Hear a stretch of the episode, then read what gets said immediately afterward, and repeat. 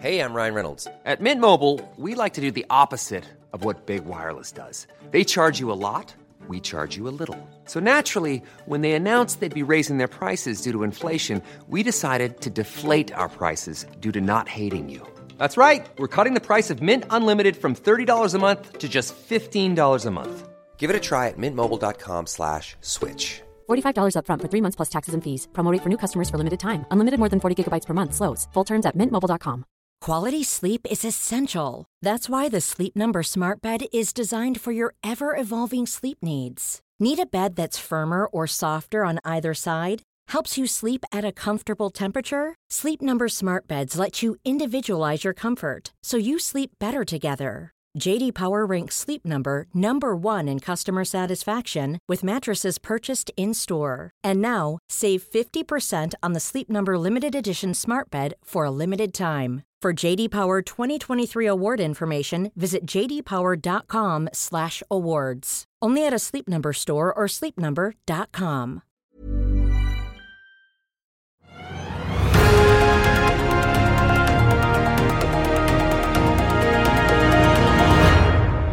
Det blir som regel fort snakk om store tall når man snakker om energi, og særlig fossil energi. Både fordi energimengden er stor, men også fordi det er stor betalingsvilje og også store penger i energi. Før jul så annonserte Equinor en av de største gassavtalene de har inngått siden saksavtalen på Trollfeltet på midten av 80-tallet. Inntektene kan fort havne på over 500 milliarder, og det er snakk om gasseksport som utgjør da rundt 10% av den norske gasseksporten årlig. Men energimengden er også enorm, den tilsvarer nesten like mye energi som alle Tysklands 28 500 vindmøller produserer hvert år. Og Det leder meg jo over da til noen andre tall som har blitt debattert den siste tiden, nemlig hva det vil koste å slutte å lete på norsk sokkel. Hvor mange milliarder skal vi la ligge i bakken? Hvor mange kroner i lønn, overskudd, skatt og ikke minst utbytte går vi da glipp av. Først ble tallet 150 milliarder slengt ut, men senere korrigert av artikkelforfatterne, som mener vi som nasjon har råd til dette. Men har vi det? Og har verden det? Eller kan den ta seg råd til det? Velkommen til denne energi og økonomi julespesialen fra oss her i FA-TV, og velkommen til vårt panel, får jeg si. Ola Kvaler, dekan og professor i samfunnsøkonomi ved Universitetet i Stavanger, og Øystein Sjøli, lektor ved Handelshøyskolen Innlandet. Ola, la meg begynne med deg, for du er rektor ved Universitetet Universitetet Stavanger, da, Klaus Moen, mener vi har råd til en uh, letestans. Dere har begge sittet i klimautvalget 2050, og under en kommentar kalt 'Klimaspillet' skriver du at enten må vi legge om norsk petroleumspolitikk, eller så må vi opp i ambisjonene i klimaloven. Og her lukter jeg at du kanskje nærmer deg kjernen av problemstillingen. Forklar hva du egentlig mener med det. Ja, altså øh, Til det første at vi har råd til letestans, er jo selvfølgelig et normativt spørsmål. Hva vi har råd til, da. Men øh, men, men til, det, til, det, du spør om, ja. Vi har jo egentlig en veldig ambisiøs uh, klimapolitikk i bånn. Uh, det er jo med bakgrunn i Parisavtalen. Uh, og med bakgrunn i den så fikk vi òg en klimalov i Norge, enstemmig vedtatt på Stortinget i 2017, var det vel. som at vi skal bli et lavutslippssamfunn i 2050. Og det er jo det, om dette, dette, målet på at vi ikke skal eh, øke mer enn 1,5 grader uh, globalt, eller maks uh, 2. Det var jo utgangspunktet òg for, for klimautvalget og var vårt mandat. Så vi har jo på en måte jobbet, jobbet inn forbi dette mandatet, men òg forsøkt å, å, presisere det og si, vise hva det betyr. Og da og det som jo gjerne ble mest debatt rundt når vi la dette fram altså For det første, si, vi foreslår egentlig ganske standard klimapolitikk som samfunnsøkonomer alltid har ment. altså Vi foreslår jo fortsatt en uh, bruk av CO2-avgifter særdeles viktig. Fortsatt uh, bruker vi jo kvotemarkedene osv. Uh, men det skjer jo noe når du kommer fram helt mot et, et, et, et, et lavutslippssamfunn. Og, det der, og til spørsmålet, det der er liksom vi, vi, vi, sier da at enten, eh, enten, så må vi gjøre noen kanskje litt radikale grep. Eh, det, det som ble mest oppmerksomhet rundt at vi foreslå at en ikke skulle lete i områder der du ikke har utbygd infrastruktur. Fordi at det binder oss til utslipp mye lenger enn en 2050. da. Uh, og, ja, for det er det det virker på, på vei som. som om liksom, en ting er, Vi kan snakke om, eh, komme til på en måte realiteten ute i verden og energimarkedene og, og, og, pris og sånn, men hvis politikerne har satt seg disse målene, så virker det nesten som dere sier at de er litt på kollisjonskurs Altså Hvis man ser bort fra hvordan verden funker, bare at hvis de har satt dette målet, så må de gjøre A, B, C for å nå det målet. Ja, det, det vi, vi, sier Nå sier jo noen, til og med oljenæringen selv, sier jo at de, de mener de skal kunne klare å nå det uh, allikevel.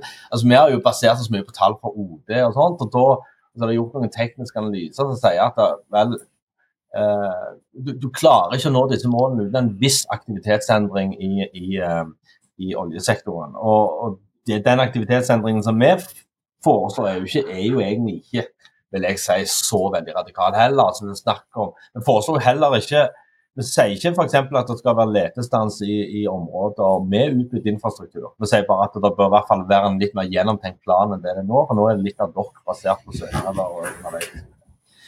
Eh, så det er mer det. Er mer det og, og, og, hovedpoenget med, som jeg syns blir underkommunisert, eller ikke forstått godt nok i den norske debatten, men når det gjelder olja, det er at eh, når du hører politikerne snakke om dette, her, så handler det jo mye om arbeidsplasser, industri, at vi må utvikle osv. Men til syvende og sist er dette en konvertering av formue fra eh, bakken til en finansformue. Og eh, i et sånn, så langt perspektiv som vi har her, så har det jo ingenting med arbeidsplasser og den type ting å gjøre. Altså, de, de, de finner seg jobber i Sverige òg, for å si det sånn. Eh, med noenlunde velfungerende markedsøkonomi, så, så, vil, eh, så, så vil en eh, og kunne uh, finne andre ting uh, å, um, leve av. Og det er jo store kompetansebehov i andre sektorer som det er faktisk en utfordring at olja suger opp uh, kompetanse, og du, du, sliter med å få de andre områdene. Det er jo noe som vi ser i Rogaland til tider. Ja. Det, er, det, er, nok å ta og debattere her, Shirley. Men vi, vi, før vi går på prislapp og arbeidsplasser, kan vi bare ta den med de målene politikerne tross alt har satt? da har de malt seg litt opp i et hjørne at nå begynner de må faktisk gjøre noe, skal de må de, nå de målene? Hvis vi ser bort fra hva det koster og på en måte energimarkedets realiteter, alt der skal de begynne liksom klokken å tikke så mye nå at hvis de skal følge disse lovene og målene de har satt, så kreves det hard lut? Eh, disse målene er jo satt uten noe særlig nytte-kostnadsanalyse. Eh, og de har blitt strammet til veldig de siste ti årene. For 20 år siden så var klimamålene mye mer si, vage og, og, løse, og at man skulle prøve å redusere utslippene. Og så har det de siste årene blitt stadig, stadig strammere. Og det har skjedd samtidig med at det viser seg at det er stadig vanskeligere å nå dem. Uh, utslippene i verden går jo opp, selv om utslippene i rike land som har ganske mye klimapolitikk, sånn som Norge, faller men med en halv til to prosent i året i de rikere landene. Og så går de opp i, i, i, alle land som ikke er rike, inkludert sånn som Kina. Så at utslippene i verden uh, går jo opp, uh, selv om Parisavtalen sier at de skal ned. Uh, og det skyldes jo at Noen tror jo at det skyldes at, at det er oljelobben som er så sterk, men jeg tror det er viktigere at, at At det skyldes at bruk av energi er veldig viktig for menneskelig velferd. fordi Energien brukes jo til helt fundamentale ting. At veldig mye går til matproduksjon. At matproduksjonen er, er effektiv. Hvis ikke vi hadde hatt Før vi fikk tilgang på moderne energi, så brukte jo de fleste menneskene mesteparten av tiden sin på matproduksjon. Eh, eller innhenting av annen type energi, sånn lavkvalitets bioenergi, ved fra, fra skogen. Mm. Så alle land som er uh, fattige, bruker veldig lite energi. Og de fleste av disse landene har veldig lyst til å bruke mer energi for å bli rikere. Det er det som er den store si, samfunnsmessige kostnaden. Eh, i å bruke i at måte, verden skal bli et lavutslippssamfunn. At er, vi vet uh, godt hvordan det kan være å være et lavutslippssamfunn. Det er ikke så vanskelig det. Det som er vanskelig, er å være et rikt og vellykket og trygt og godt samfunn. Og være et lavutslippssamfunn. For det er det ingen land som er. Uh, og Det kan hende at det skyldes oljelobbyen. Innimellom får man inntrykk av at det er noen som mener det. Men jeg tror det skyldes helt fundamentale fysiske faktorer. I fysikken så er jo energi lik arbeid. Og i økonomi er arbeid lik verdiskaping. Så, eh, så det, er, det, er, noen veldig klare forbindelseslinjer her. Eh, så, ja. ja, så Energi er jo litt så tricky å bli kvitt. Kali hadde Truls Gullåsen i Naturvernforbundet innom i en kjernekraftdebatt her for ikke så lenge siden. Men han er jo veldig tydelig på at han, altså de mener jo at vi må halvere energibruken i land som Norge og andre land for i det hele tatt komme i mål her. Ja, de vil jo ha et Er det det som egentlig er realiteten? Ja, altså, vi, vi, sier jo ikke vi, vi, sier ikke det. Altså, det. det. er klart at det er jo en der er jo en uh, Du må legge til grunn en viss teknologioptimisme. Uh, og du må legge til grunn enorme investeringer i, i fornybar. Du må ha en, en, viss optimisme i at du kan klare å utvikle eh, karbonfangst og -lagring og DAC og ulike andre teknologier. Uh, og det er klart, Hvis du ikke tar, hvis vi lar det skure gå, eller du ikke har en ambisiøs uh, klimapolitikk i, i minste med prising og kvoter, og sånn, så vil du ikke få insentiver til å utvikle den type teknologi heller. Så jeg er helt enig sånn så det, det Øystein drar opp. Det er klart, og, og forhold til, Er det gjort en nyttig kostnadsanalyse? Altså, nå er det nå en gang sånn at verden, og gjennom FN og sånn, har, har, har kommet til at, eh, at, eh, vi må eh, At risikoen er for stor ved å uh, få en for høy uh, global uh, oppvarming. Derfor har en valgt at en skal forsøke å, å, å, å å nå disse eh, tograders- eller 1,5-graders-målene, og at det er viktigere enn de kost... Eller at det er mer verdifullt.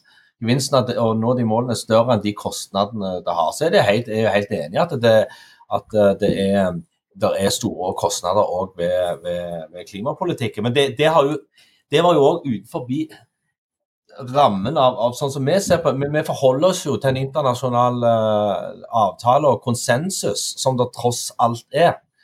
Uh, på dette, og, og, uh, og, de forskerne som, som, jo mener at dette er så kritisk viktig å nå, å nå disse klimamålene. Jeg for Shirley, Du har jo skrevet at uh, du mener verken Norge eller verden eller Europa da, har råd til noe letestans på norsk sokkel. Men det du egentlig sier at Kvaløy og co. de burde bare sett bort fra dette konsensuset og heller Jeg syns i hvert fall dette var en kjempegod anledning til å drøfte hvordan Utvalget skriver at de vil at vi skal planlegge for at Norge skal være et lavenergisamfunn. Og at det er mye bedre enn å planlegge for et høyenergisamfunn. Og som jeg sa, det fins ingen rike, vellykkede, trygge land som er lavenergisamfunn i dag. Så det hadde jo vært veldig fint hvis utvalget kunne beskrevet hvordan et sånt samfunn skal se ut. Men i stedet så, så skriver man bare forutsetninger fra langtidsplanen eller perspektivmeldingen til Finansdepartementet om at ja, de antar at økonomiske veksten i Norge vil fortsette, så er det egentlig nesten utenkelig at Norge skal være et lav, altså et fattig samfunn, da, selv om vi blir et lavenergisamfunn. Uh, og det er, en, det er, jo bare en forutsetning. Og jeg, kan, og, jeg, skjønner ikke hvorfor ikke utvalget har sett på kostnadene ved å være lavenergisamfunn. Kostnadene målt i vanlig menneskelig velferd. Det står jo faktisk i mandatet at dere skal gjøre det, og dere har ikke gjort det. Dere har sett bort fra det. Uh, så, det men, ja, altså, med, med, med, altså, Norge har faktisk ganske gode forutsetninger til å klare det. Uh, og, og, vi legger jo fram en, en, en, det vi mener en sånn noenlunde realistisk uh, vei til å, kunne, til å, kunne, nå dette. Og husk at det, om vi bare Altså, ta, ta kostnaden ved letestans, da.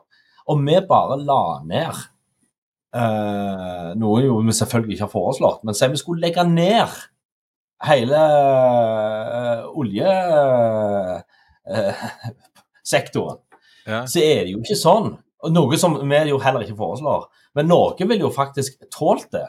Eh, Vi hadde bare mistet hva da, 80 av selskapsskatteinntektene og Ja, men, ja, men, ja, men uh, her er det flere dimensjoner en kan ta. For det første så, så går det an å gå til å se våre naboland, eh, som jo går ganske greit, de òg. Faktisk er Norge unntaket som bekrefter reglene om at ressursrike land stort sett sliter. Produktivitetskommisjonen påpekte at den rike staten eh, Norge kan bidra til lavere eh, produktivitet. Det vi viser til når det gjelder eh, letestans, er at vi får et, et oljefond på 2-10% eller alt ettersom. mindre verdt om x antall år. At det skulle true norsk velferd, syns i hvert fall jeg er absurd. Det, det, det, vil de, det vil de ikke gjøre. Og så er det eh, ja.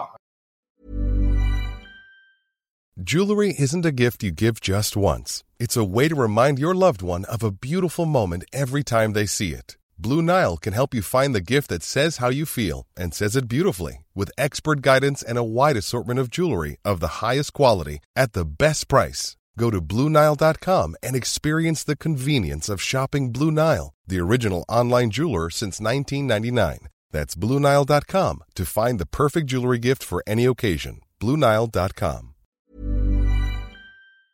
I'll see you in court. Vi sier det ofte litt på spøk, Men for deg som driver business, er det aldri moro å innse at du ikke har laget en 100% gyldig kontrakt. Du bør ikke risikere hele firmaet ditt fordi du synes dette med kontrakter er litt stress. En avtale er ikke en avtale. Du kan miste kunder, miste venner, ja, til og med miste inntekter om du ikke lager en skikkelig kontrakt, på alt mulig, egentlig.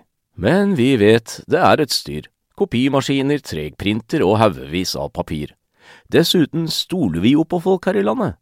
Det er ofte litt kleint å skulle be om en signatur for alt mulig, ja, for mye av styret handler også om jakten på underskriften.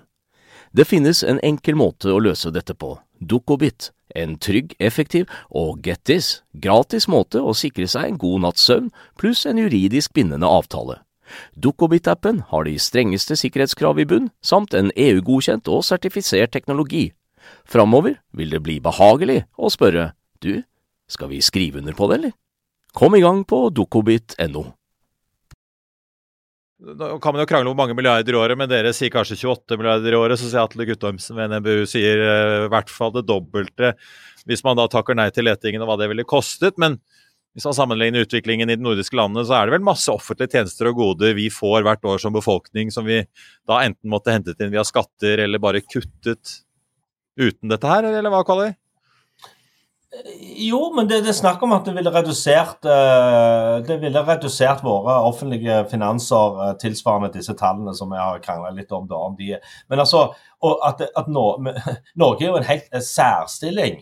Uh, at dette skulle gjort oss til et, et veldig mye fattigere land med en litt, litt lavere oljeformue. Det er på i størrelsesorden som sagt 2-10 eller om det så var 15% altså Bare innenfor et år kan jo oljeformuen svinge mye mer enn det. Det er jo ikke der vi er i det hele tatt. Og dessuten så, så påpeker vi òg at uh, hvis det tvinger seg fram eh, omstilling som vi må gjøre pga. klimakrav osv., og, så og vi har bundet oss opp i en veldig fossil strategi, så vil disse omstillingskostnadene nå kunne bli eh, ganske store. Jeg tror jeg tror faktisk at Men det er ut forbi det vi har, eh, vi har uh, diskutert her. Men hvis vi først skal snakke om oljeformuen og betydningen av den, så tror jeg vi underslår ganske mange kostnader faktisk med å sitte på en så stor uh, statlig uh, formue som vi gjør. Så jeg syns det er en fullstendig sidespor. Jeg syns noen av de debattene som du Øystein drar opp, er interessante i forhold til altså, globalt hvordan vi skal tenke eh, klimapolitikk og kostnadene ved det, versus en annen type tilnærming som kunne vært å, å heller uh, leve med økte klima, økte temperaturer, og heller bruke en sånn type uh, altså Bruke tiltak på hvordan klare å leve med det. Men det er jo en helt annen diskusjon som jeg heller ikke har forutsett å virkelig ta. Nå er det noe sånn at klima, FNs klimapanel som jo eh, har landa på at det er verdt å, eh, å, eh, å eh, for, forsøke å nå disse målene. Men jeg syns den interne norske om hvor utrolig viktig olja er for Norge, den syns jeg er blåst helt ut av proporsjoner. Han har ingenting med arbeidsplasser å gjøre. Han, det er en konvertering av en, olje, av en formue i bakken til en formue eh, i, i, i finansmarkedene. Uh, og, um, og, men det, jeg vil bare ja, gå til Sjøli, da, for det er jo eh, det er ikke ofte man hører sånt fra en estlending. Men likevel, uh, hvis, hvis, man tar på de politiske brillene, så virker det som en hodepine å gjøre opp statsbudsjettet hvis du mangler 30, 60, 70, 80 milliarder i året og alle de kuttene man må gjøre da. Men Sjøli, kostnaden for Norge, da, hvordan ser du på den? Jeg vil gjerne si at vi, Norge har selvfølgelig råd til å ikke få flere inntekter fra sokkelen. Så jeg skjønner ikke hvorfor, som Kvaløy sier, at det er et sidespor. Så jeg skjønner ikke hvorfor han går inn på det sidesporet, for jeg har jo aldri avvist det. det ja, for Norge, Sverige, og Danmark, og Finland og Storbritannia Storbritannia utvinner litt olje, men disse landene har jo ikke noe særlig oljesektor. De er likevel rike. Men de, er, men de bruker olje og gass. De trenger fossil energi for å være rike, og det trenger vi òg. Så hvis man argumenterer veldig for at Norge må legge ned sokkelen, og det er jo hovedforslaget til er hovedforslaget at vi skal legge ned Eller ikke i morgen, da, men at man skal forby permanent leting i uåpne områder. Og, så skal man legge ned leting i, i eh, åpne områder frem til man har funnet en plan for avvikling av, av, av den næringen. Eh, og hvis man gjør det, hvis man avvikler næringen i Norge, ikke i morgen, men i løpet av 20 år, kanskje, eller 30, eller ja, MDG vil gjøre det i løpet av 12 år. Hvis man gjør det, og uten å, å, tro at man klarer seg uten å bruke fossil energi i våre samfunn, så må jo vi importere det fra noen andre. Og det er jo det man legger opp til. Ingen tror at vi skal klare å lage kunstgjødsel eller kjøre tømmerbil i Norge uten fossil energi om 15 eller 20 eller 30 år. Ingen tror det. Da må jo vi importere det fra andre. Og hvem andre skal vi importere det fra? Jo, vi har jo eh, Russland, Saudi-Arabia, Qatar. Dette er jo land Vi vet jo hva slags land dette er. Så jeg skjønner ikke hvordan man nå, etter å ha sett hva, som, hva, det, hva, det, hva slags konsekvenser det får at, at, Europa mister tilgang på mye energi, sånn som vi har sett de siste to årene med krigen. Det får jo helt forferdelige konsekvenser. Så at man har lyst til å legge, legge en politikk som kutter tilførselen av energi, det syns jeg er veldig veldig rart. At man ikke legger all, eh, all uh, energien inn på å få ned etterspørselen. Og det synes jeg er veldig rart. Ja, for Kvaløy, ta det da. Hvis vi, hvis vi ser Kvale, hvis vi ser på realitetene på hva som faktisk liksom, europeiske land og store energiselskaper gjør, da, så flyr jo altså, den tyske forbundskansleren til Qatar for å kjøpe gass. Vi ser eh, Total, Eni og Shell gjør det samme. De kjøper LNG både fra ikke minst Qatar til etter 2050. Vi ser mange også kjøpe fra USA. Det er jo et, en substitutt for at russisk gass eh, faller bort. Hvis Tyskland har økt kullbruken sin uh, masse etter energikrisen. så de har jo ikke, Det er jo ikke sånn at kutt i tilbudssiden har ført til at disse landene plutselig har klart å finne alternativer. Ja, men, men hva, er med, hva, er det vi, foreslår, da? Er, er det sånn at, uh, at uh, Europas energisituasjon blir helt prekær hvis vi ikke leter mer i Barentshavet rundt Svalbard. Det er jo helt absurd påstand. Det blir jo altså, slutte å lete.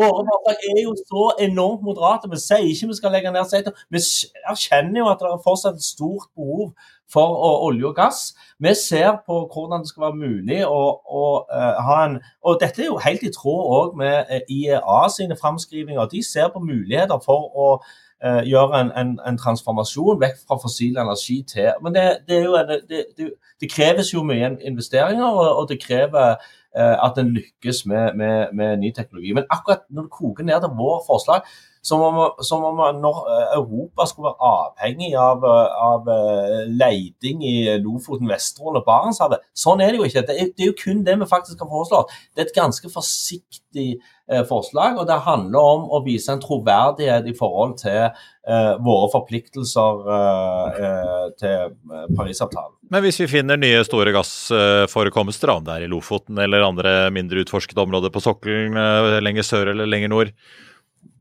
skviser ikke det bare ut eh, dyrere og mer forurensende LNG fra USA og Midtøsten da, Kvaløy? Ja, altså det er, jo sånn, det er jo en stor diskusjon i forhold til tilbudssidepolitikk. Husk at det, Da vil jeg si to ting til det. Jeg kan ta det med tilbudssidepolitikk først. Der har, krangler de jo litt om eh, elastisiteten 0,1 eller 0,2, og hatt Rystad versus noe SSB og sånt, uh, knyttet til selve tilbuds... At det er en klimaeffekt, eh, tror en vel men han kan være ganske liten. Eh, og i hvert fall hvis han gjør det isolert sett og ikke koordinerer. Det Rystad ikke helt skjønner, det er eh, de, de, tror at eh, etterspørselssida og tilbudssida er rene substitutter, men det er strategiske effekter her som de ikke tar høyde for. ved at Uh, som jeg har prøvd å beskrive i disse klima, klimaspillene som et fellesgodespill. At du, hva andre gjør, påvirker eh, altså hva, hva et land gjør, påvirker andres valg. Men uansett, det, når det gjelder vår leite, og det er litt viktig å påpeke, våre forslag til leitestans har ikke noe med tilbudssidepolitikk å gjøre.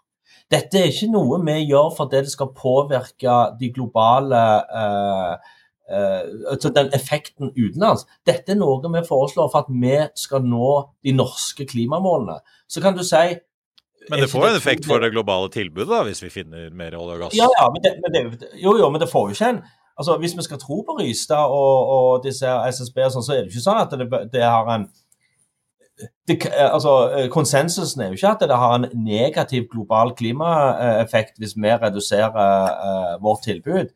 Konsensusen er vel at det har en viss klimaeffekt, men den er bare veldig veldig liten. og Spørsmålet hvor liten den er. Men det er en sidespor i forhold til den diskusjonen vi har hatt. Det er ikke tilbudssidepolitikk som ligger bak vårt forslag. Det er for at vi med troverdighet skal nå våre klimamål fra 2050. Og det er der vi må skjønne at, at uh, Parisavtalen er et såkalt uh, fellesgodespill som egentlig har en likevekt. Som sier at alle uh, jukser og ingen kommer til å levere på dette. For det er tragedy of the commons. Og så forsøker en vet i sånne spill og at hvis noen hvis en ser at andre ikke bidrar, så gidder en ikke bidra sjøl heller. Det er det som er disse strategiske effektene som jeg har snakket litt om. Så er spørsmålet skal Norge være et land som med troverdighet går inn og forsøker å nå Parisavtalen, eller ikke. Det er, det er et nøkkelspørsmål, sånn, så, sånn, som jeg ser det. Som vi har i hvert fall tenkt i, i, i klimautvalget. Og så kunne vi, og jeg, jeg kan også se at kanskje vi burde diskutert mandatet enda mer, litt sånn som Øystein har vært inne på. Men det å gå inn i veldig mange andre typer scenarioer uh, enn en det som ligger i, i klimaloven, uh, det følte vi i hvert fall var, var på en måte ut forbi uh, vår oppgave. Jeg vet ikke om det har bringt så mye. Det får vært en ny egen utredning i så fall. Øystein, det virker jo som sånn, vi lever i et litt sånn paradoks, da, hvor noen kanskje bare må gjøre noe. Ja, men Noen gjør jo noe. Mange gjør jo mye. Norge gjør jo masse. Vi bruker jo 30 milliarder i året på å subsidiere elbiler. Det er jo, vi ødelegger jo markedet for vår største næring. Vi gjør jo veldig mye. Det er jo, og mange land gjør det. Ja, de fleste rike land kutter utslippene på basis av forskjellige tiltak. Det er jo fordi man erstatter kull med gass, men det er også fordi man subsidierer frem vindmøller som også erstatter kull, og at man blir stadig mer energieffektive. Bilene våre nå går dobbelt så langt per liter som de gjorde for 30 år siden. Det er jo masse positive ting. Så rike land klarer å kutte. Fattige land prioriterer fortsatt, og det, er, og det, tror jeg ikke skyldes noe at rike land gjør for lite. Det er ikke derfor India øker sin bruk av fossil energi. Det er ikke derfor Pakistan når når Russland kuttet gasstilførslene til Europa, så gikk jo disse LNG-skipene som vanligvis går fra Qatar til Pakistan, de, jo, de skiftet jo retning, da gikk til Europa i stedet. Da åpnet jo Pakistan masse For det første led befolkningen av en forferdelig energikrise. Vi syns jo det er veldig dumt å betale to kroner kilowattimen for strøm. I Pakistan så har de ikke strøm. Så Derfor åpnet de masse kullgruver. og Det er ikke fordi de ikke tror på klimautfordringene, det er fordi den energien er mye viktigere. Og og Pakistan har, som Norge, skrevet under på IPCCs og klimaavtalen, men det ligger ikke noen nytte-kost-analyse til grunn for disse to grader eller halvannengradersmålet der. Det er en del folk som, har, som mener det, at, uh, at, vi bør ha et sånt mål. Uh, eller så tenker de kanskje at det er like greit å skrive under. Vi skrev under på en menneskerettighetserklæring, det bryr oss ikke særlig om den heller, men vi er i hvert fall med på det. Uh, men at sjansen for at, at vi når dette målet er jo veldig, veldig liten. Og det skyldes jo at, at, så, at alternativene til fossil energi er så, er så, dårlige. Og så En ting til som jeg må si, og det er at hvis dette her ikke er et tilbudssidetiltak, så syns jeg det er rart at man ikke overlater dette til markedet. Uh, for da, Dere foreslår jo ikke bare at man ikke skal, uh, skal lete i områdene rundt Svalbard og, og Barentshavet og Lofoten, men dere foreslår at man skal permanent slutte å lete i alle uåpnede områder. Og at man skal også slutte å lete Eh, generelt, inntil man har laget en god plan for avvikling av eh, Eller en plan for videreutvikling eller avvikling av sektoren. Det er det, dere foreslår. Og så, foreslår, og så skriver dere at det ikke skal være strøm fra fastlandet, eller i hvert fall i så liten grad som mulig. Krafttilførsel til, uh, til oljesektoren. Vi kan jo diskutere elektrifisering av sokkelen, hvor fornuftig det er. Men dere foreslår i hvert fall at man ikke skal gjøre det. Og det er jo et tiltak for å redusere utslippene fra den, fra den sektoren. da. Eh, så det er mulig at Vi rekker ikke å ta hele elektri... Vi rekker ikke å ta hele elektrifiseringsdebatten, men jeg tenkte Kvale, dere kunne jo bare foreslått å sette kvoteprisen for oljenæringen til 5000 kroner tonnet, 6000 kroner tonnet, ja, og latt altså, dem ordne opp selv? Ja, ja, ja, men altså, vi, vi skriver jo at uh, da vi må fortsette altså, CO2-prising og kvoter er viktig i uh, videre klimapolitikk. Kjempeviktig. Det skriver vi òg. Vi skriver at, uh, at, det må være en videre opptrappingsplan for, på, på CO2 Eh, pris eh, osv. Eh, når, gjelder, når det gjelder det du sier i forhold til fullstopp, så var jo det et snakk om at innen en kort tid, altså innen et år maks eller jeg vet ikke om vi sier det, men det er i hvert fall om vi bruker noen tidsangivelser. Men så raskt som mulig skal lage en, en, en, en plan. Og hva, hva, som ville vært inn, inngått i den planen i forhold til leiting, skal ikke jeg mene uh, noe, om. Jeg syns det virker fornuftig å fortsette å lete nær eksisterende infrastruktur. Alternativt kunne vel like godt lagt på en produksjonsavgift, som òg har blitt diskutert. Det er diskutert blant Um, skatteutvalget. Som for øvrig, og det syns jeg er helt interessant, skatteutvalget som jeg har satt i, var jo vel så offensiv på mye av klimapolitikken som dette klimautvalget var. De var mer offensive på CO2-kompensasjonsordningen, de var mer offensive innenfor eh, landbruket. Men, men, vi rørte, men vi hadde jo et, et annet mandat, et annet perspektiv. Men en gang det er snakk om du rører i dette med leiding og, og uh, sektoren der, så er det et eller annet som bare skjer, altså. Det er så mye penger i spill, vet du, og så voldsomme energimengder som sendes sørover til uh, kontinentet. Ja. Ja, men jeg må også kommentere en liten ting. Du sa, Marius, det er interessant, altså en vestlending som tar så lett på alle disse milliardene. Husk at det der er jo og det gjøres analyser eh, fra SSB bl.a. gjør analyser hvordan tåler du store Hvordan tåler du f.eks. et fall på 30% av oljefondet? Da, det, det, da har jo det en effekt eh, direkte inn i norsk økonomi som er brå og umiddelbar, og langt mer krevende enn en planlagt reduksjon på 5, 6, 7, 8% om x antall år. Og Til og med da uh, får han, en det, det til. sånn at det, Her er det jo snakk om å gjøre noen valg fordi at vi, fordi vi står i en klimakrise og at det har en, uh, at det har en kostnad. Men en kostnad som Norge et av de beste landene å, å, å faktisk uh, kunne klare å, å, løse. Så jeg går helt enig med Øystein. og jeg ser altså, Land som har helt andre forutsetninger, som er helt avhengig av den energien i dag, og som ikke har den luksusen de kan gjøre med å drive med, med eh, klimapolitikk, så, skal jeg si. Så, men de forsøker jo, de òg, på sitt, sin måte. Har jo, har jo uh, skrevet unna på uh, Parisavtalen. Og det er jo en tross alt en slags global konsens av politiske ledere at dette fortsatt målen skal forsøke å nå. da. Jeg syns kanskje du har en litt vel pessimistisk eh, Det er jo tross alt noen år fra, eh, fram. Det gjøres mye investeringer i fornybar, og det kan eh, skje ting på teknologiområdet innenfor karbonfangst og -lagring og sånt òg. Får du høy nok CO2-prising, så vil jo dette òg begynne å lønne seg med CO2-fangst og -lagring. Har du mistet idealisten i deg, eh, Øystein Sjøli? Eh, antagelig. Jeg er kanskje for realistisk. Men uh, jeg syns jo det beste hadde jo vært, selvfølgelig, hvis, hvis vi kan være superoptimistiske på teknologi, og det kommer veldig mye god teknologi, særlig for lagring. Da. Det er jo det som er problemet for sol- og vindkraft.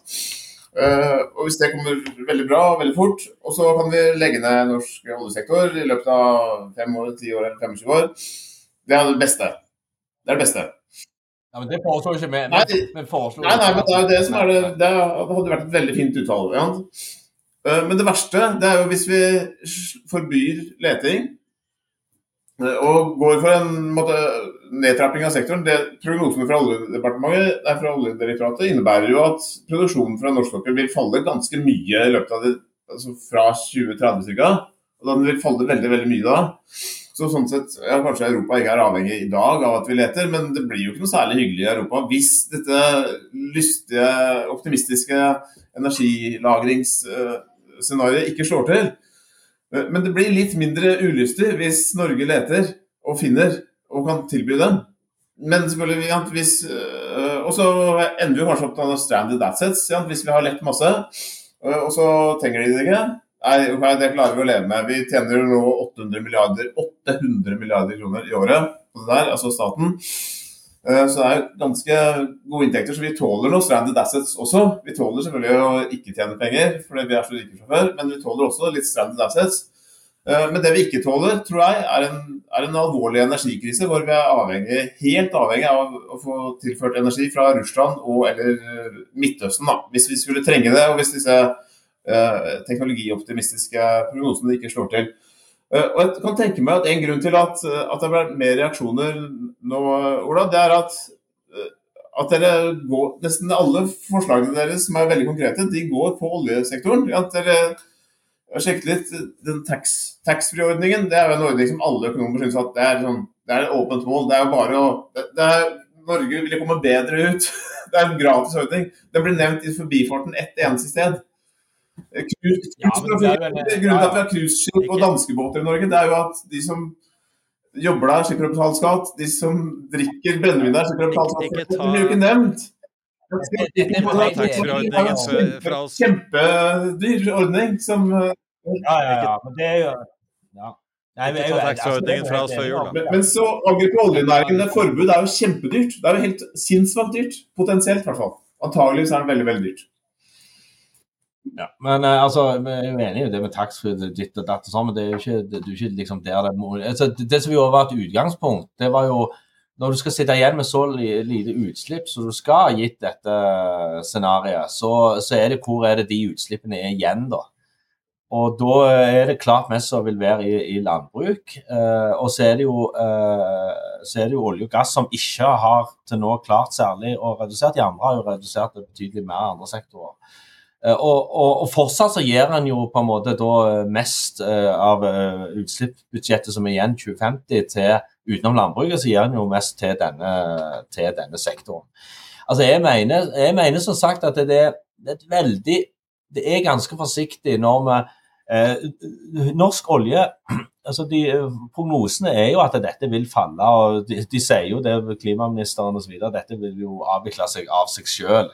Så sier vi at ok, hvis vi bare lar det la seg fære og lar det avvikle seg av seg sjøl, utelukkende bestemt av etterspørsel, vel, da vil, vi ikke, da vil vi med all sannsynlighet ikke kunne nå disse målene. Så vi må styre det, begrense det litt. Og da med en veldig, veldig forsiktig tilnærming knytta til, eh, eh, til disse her eh, eh, områder uten eh, infrastruktur. Og så peker vi òg på at det er en del omstillingskostnader som kan komme hvis vi ikke gjør det. Hvis vi binder oss opp til noe, til noe eh, som ikke da klarer å, å Så får til en type stiavhengighet og, og sånt. Og så får vi jo se hvor fort uh, produksjonen på norsk sokkel faktisk faller. Da. Den sokkelen har jo vist en finurlig evne til å stadig overraske prognosene også fra Oljedirektoratet med å um, inneholde og produsere langt mer enn man eh, ofte har uh, trodd. Eh, Ola Kvalle eh, ved Universitetet i Stavanger og Øystein Sjøli ved Handelshøyskolen Innlandet. Eh, Vi kunne holdt på eh, en god time til, eh, tror jeg, men eh, veldig hyggelig at dere ville dele noen refleksjoner og eh, ta en liten diskusjon på om dette er noe Norge bør eh, gjøre eller eh, ikke. Tusen takk for at dere var med oss. Og får jeg si, God jul til eh, begge to. Det blir eh, mange flere julesendinger fra oss her i FA-TV utover i høytiden, så bare søk opp Økonominyhetene der du hører på podkast, enten det er i Spotify, Apple Podcast eller et annet sted. Produsent for denne sendingen har vært Lars eh, Skram. Mitt navn er Marius Lortsen, og fra alle oss her i Hegna Media, ha en riktig god jul og et godt nytt år.